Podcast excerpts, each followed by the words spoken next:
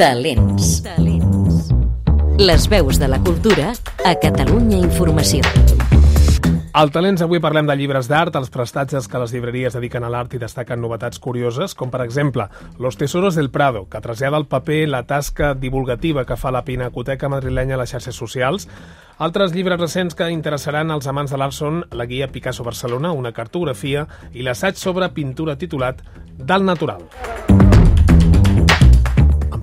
Tot seguit amb la Montse Mas. Montse, molt bon dia. Molt bon dia, Parlem David. de seguida de llibres, però, alhora, d'entrada, hem de començar sentint això.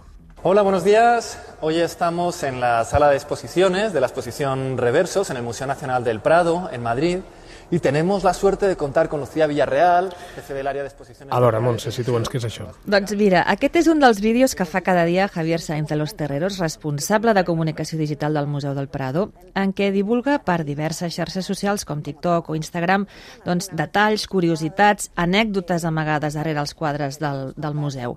L'èxit extraordinari que s'ha aconseguit amb aquests vídeos a internet l'ha portat ara a traslladar 25 d'aquestes històries al llibre editat per Montena, Los Tesoros del Prado, ens ho explica ell. anécdotas relacionadas con la historia de la obra, pistas ¿no? para ver cómo, cómo leer mejor, cómo mirar eh, la pintura ¿no? que tenemos delante, o también pues eh, llevar las lo que quería decir el, artista al presente, ¿no? Hay una, obra de Tiziano que básicamente es casi como si fuera una imagen de perfil de, de estas aplicaciones para ligar, ¿no? Porque en el fondo lo que estaba haciendo era ayudar a ese personaje a encontrar esposa porque había tenido un pasado pues un poco, bueno, eh, digamos bastante libertino. A veure, a la portada del llibre, Montse, hi apareix, veig una pintura d'unes Sí. flors que a, a, entenc que deu tenir una història amagada, no? Exacte, sí, sí, ens l'ha explicat el mateix autor del llibre. Pues la portada salen unas flores, además es, es bonito porque es de un artista, es de Clara Peters, que, que es uno de esos cuadros que si no te fijas pues pasa desapercibido, no, no, no lo vas a ver. Sus cuadros estaban colgados en muchísimos museos, pero nadie los miraba, ¿no? nadie se daba cuenta. Y si te acercas al cuadro y le prestas atención y te fijas en los detalles, se ve su autorretrato reflejado en, eh, en las copas, en los cristales. Entonces sí que hay una especie de, de metáfora, ¿no? De, de cómo nos, nos enfrentamos a las obras. Si vas con prisa, te, te pierdes muchas cosas. Que nada que veas con un poco de cariño, ¿no? Pues te encuentras, por ejemplo, el rostro de, de esta pintora, ¿no? De, de Clara Peters. En general, si vas amb pressa, es per... sempre et perds moltes, moltes, coses, moltes coses. però en els sí. quadres més, no? Diu el Sí. Javier. Aquests són alguns exemples d'històries que recull el llibre i que surten, de fet, en aquests vídeos i directes que fa Sainz de los Terreros i, i que explica a les xarxes a partir de converses amb els comissaris de les exposicions, però també amb experts en la matèria i fins i tot amb membres del personal del museu. Des que va començar el 2017, el segueixen milers de persones arreu del món. Sí, la verdad es que ha funcionado muy bien a nivel nacional y también a nivel internacional y ha tenido una acogida muy muy buena, ¿no? En, en el New York Times y salimos como una de las un par de veces también porque les llamaba la atención que bueno pues que damos voz por supuesto a, a los profesionales del museo pero no solo al director o conservadores sino pues vigilantes de sala eh, la- los encargados de mover las obras y eso les llamó mucho la, la atención y nos hicieron un artículo y también nos recomendaron como una de las cinco cuentas de, de arte a seguir por Instagram hemos superado el millón, estamos como en el un millón cien mil y en total en redes sociales superamos los cuatro millones.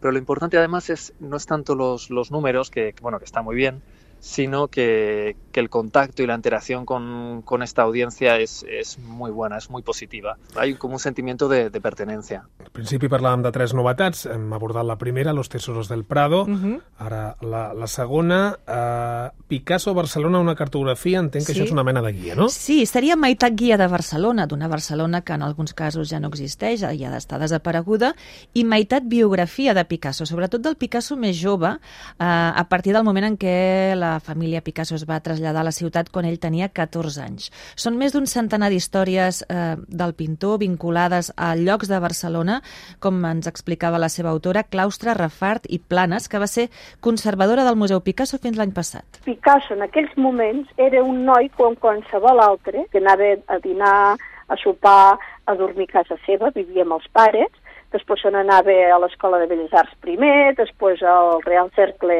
Artístic de Barcelona després, voltava amb els seus amics i anava als Quatre Gats, al Guaiava, allà on fos, se n'anava en locals més o menys dubtosos, era un noi com qualsevol altre de la seva edat. El que estem presentant és la gran història d'amor entre l'artista i la ciutat. Està dient que tots els nois de la seva edat anaven a locals dubtosos una mica, eh? Sí. Vale. Sí, El llibre està editat en català, castellà i anglès, perquè pot ser també un bon llibre per, per als turistes, i l'ha editat eh, Pic- el Museu Picasso, l'Ajuntament de Barcelona i l'editorial aquí. Escolta, i tanquem aquestes recomanacions de nous llibres d'art amb l'assaig del natural. És un recorregut didàctic i amè per la història de la pintura, tenint com a principal fil conductor la natura. Eh, N'escoltem ara, si et sembla, l'autor, l'escriptor valencià Martí Domínguez. Passem des de Giotto i tots els pintors primitius fins a Gauguin i la Polinèsia, no? passant, evidentment, després pel barroc, per pintors romàntics com són el Constable o com és Friedrich. Eh, hi ha aquest desig d'anar mostrant distints eh, moments estel·lars, podríem dir-ho així, de la història de la pintura en relació amb la natura. Amb un epíleg final on el protagonista és Miquel Barceló, sobre la necessitat de regressar a la natura i de regressar a pintar del natural. I podríem afegir un exemple que apareix en el llibre i que té a veure amb la cadernera en la pintura com a símbol de la passió de Crist. Al Manac n'hi ha, ha molts quadres que tenen una cadernera, eh, nen Jesús té una cadernera a les mans o està a prop de- d'ell o, o senzillament a la pròpia escena. La cadernera és un ocell que s'alimenta de cards, d'ahir ve el nom de cadernera. Eh, La cadernera arranca les espines dels cards i pren les llavors, de la mateixa manera va arrencar les espines de Crist durant la passió i per això va quedar-se tacada per sempre de la sang de Crist en la gola i el front. No? Per això les caderneres tenen aquest vermell tan viu i tan bonic. Per això quan li ho posen al nen, a l'en Jesús, li posen els pintors renaixentistes, el 300 i el 400, li posen una cadernera, el que invoquen en la, en la memòria col·lectiva és que aquell nen és el Messies i és el que d'alguna manera se sacrificarà per tots els homes. Doncs aquests són alguns dels exemples que podeu trobar en aquell llibre preciós que ha publicat a Edició 62 del Natural, eh, que ha guanyat el Premi Bones Lletres d'Assaig Humanístic d'aquest any. Doncs aquestes són les tres novetats relacionades amb l'art, novetats literàries, eh, aquest assaig del natural, amb exemples tan bonics com aquest que explicava sobre la cadernera, els altres, aquesta guia Picasso Barcelona, una cartografia, i el primer del qual parlàvem, Los tesoros del Prado. Montse Mas, moltes gràcies, bon dia. Bon dia.